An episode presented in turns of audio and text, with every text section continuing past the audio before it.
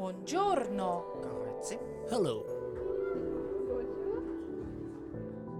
Hallo beste luisteraar en leuk dat je weer luistert naar een nieuwe aflevering van de podcast van eh, Go Europe.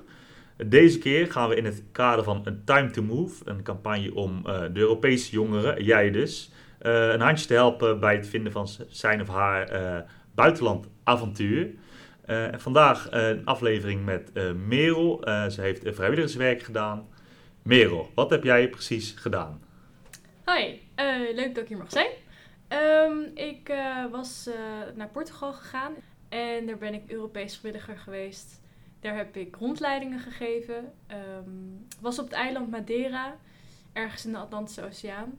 En dat was ehm, ja, rondleiding geven over geschiedenis en kunstgeschiedenis in het kort. Ja. En wie, eh, wie gaf je dan rondleidingen? Ja, er komen daar heel veel toeristen naar dat eiland toe. Eh, zowel via cruiseschepen, maar ook gewoon per vliegtuig.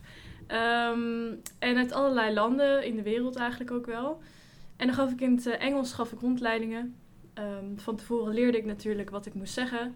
En ik mocht de hele stad doorlopen. En hoe lang heb je dat gedaan? In totaal heb ik acht maanden heb ik, vrijwilligerswerk gedaan daar.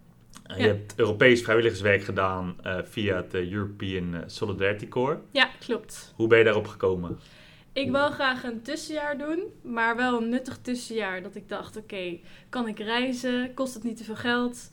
Nou, toen kwam ik wel echt bij dit programma uit. Ik heb online gekeken en toen vond ik een database met al die vrijwilligerswerkprojecten.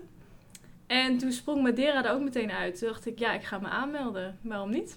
En wat zijn nou de voordelen van Europees vrijwilligerswerk eh, versus normaal vrijwilligerswerk? Het allergrootste voordeel vond ik dat je een soort van zekerheid hebt van er worden al heel veel dingen voor je geregeld. Ehm, het belangrijkste is dat je gewoon motivatie hebt.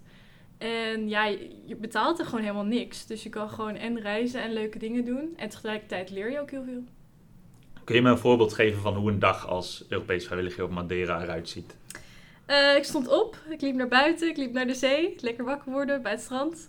En eh, daarna eh, een kopje koffie doen. En toen liep ik naar, naar de standplaats waar we dan met alle vrijwilligers waren.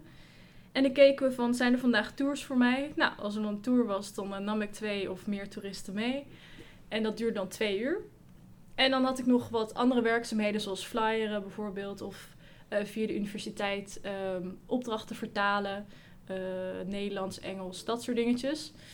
Eigenlijk best wel simpel. En verder de rest van de dag, dan was ik klaar in de middag. En dan eh, gingen we de bergen in of gingen we lekker ergens koffie doen. En waren er ook nog andere Europese vrijwilligers? Ja, we waren best wel een grote groep. Eh, ik heb nog steeds heel erg veel contact met een vriendengroep van toen. Uit Frankrijk, uit Duitsland, Letland. Eigenlijk alle landen uit Europa. Eigenlijk wel. Oké, en eh, als je nou terugkijkt op jouw periode als Europees vrijwilliger, wat heb je dan geleerd? Eh, ik heb geleerd om sowieso voor het eerst zelf eh, zelfstandig te, nou, ergens anders te wonen natuurlijk. Hele andere cultuur te leren kennen.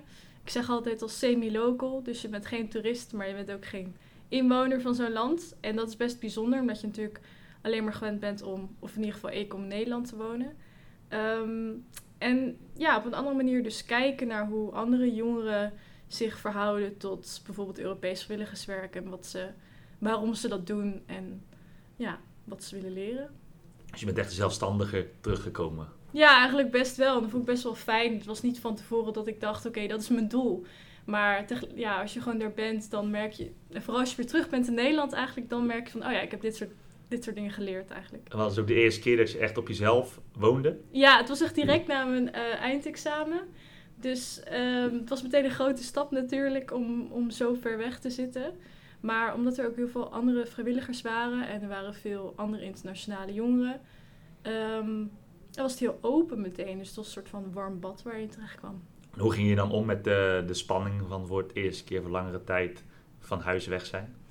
Ehm, nou ja, in het begin is dat natuurlijk, ja, je kent inderdaad helemaal niemand. Maar als je gewoon met z'n allen juist ook heel veel dingen gaat doen, gaat ondernemen, dus wel activiteiten en zo, dan merk je dat het dan ja, gewoon meteen al weggaat eigenlijk. Je hebt het niet eens meer in de gaten. Dus eh, ja. En heb jij nog eh, tips voor eh, andere jongeren zoals jij die graag naar het buitenland willen om iets goeds te doen voor de wereld? Eh, Ja, ik, nou ja, tips. Ja, het is wel een bekende misschien, maar dat je het gewoon moet doen eigenlijk. Dat je niet uh, van tevoren allerlei beren op de weg moet gaan zien. Uh, want als je die tegenkomt, dan heb je vast wel een manier om ze weg te werken. Um, ik zou gewoon zeggen, ja, meld je gewoon aan. Uh, wil je een bepaalde soort taal leren, kijk dan specifiek naar landen. Of wil je werken met een bepaalde groep mensen, ga dat doen. Uh, vooral kijk waar, wat je energie geeft. En waar kan je dat vinden? Waar je het kan vinden? Ik denk dat je moet beginnen bij www.europeansolidarity.nl. Daar, nee, daar staat echt super veel handige info in.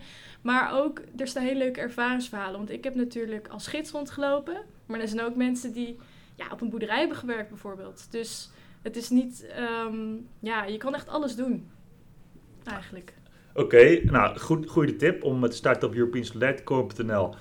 Mocht je nou uh, uh, nog een stapje terug willen zetten en uh, niet per se weten of je vrijwilligerswerk wat voor je is, op www.goeurope.nl vind je ook een mooi overzicht van al jouw buitenland mogelijkheden.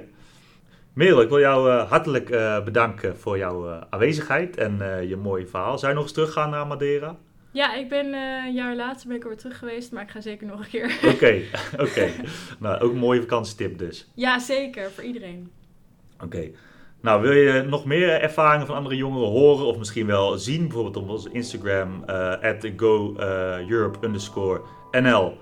neem dan daar vooral eens een kijkje. Voor nu hartelijk dank voor het luisteren en tot de volgende keer.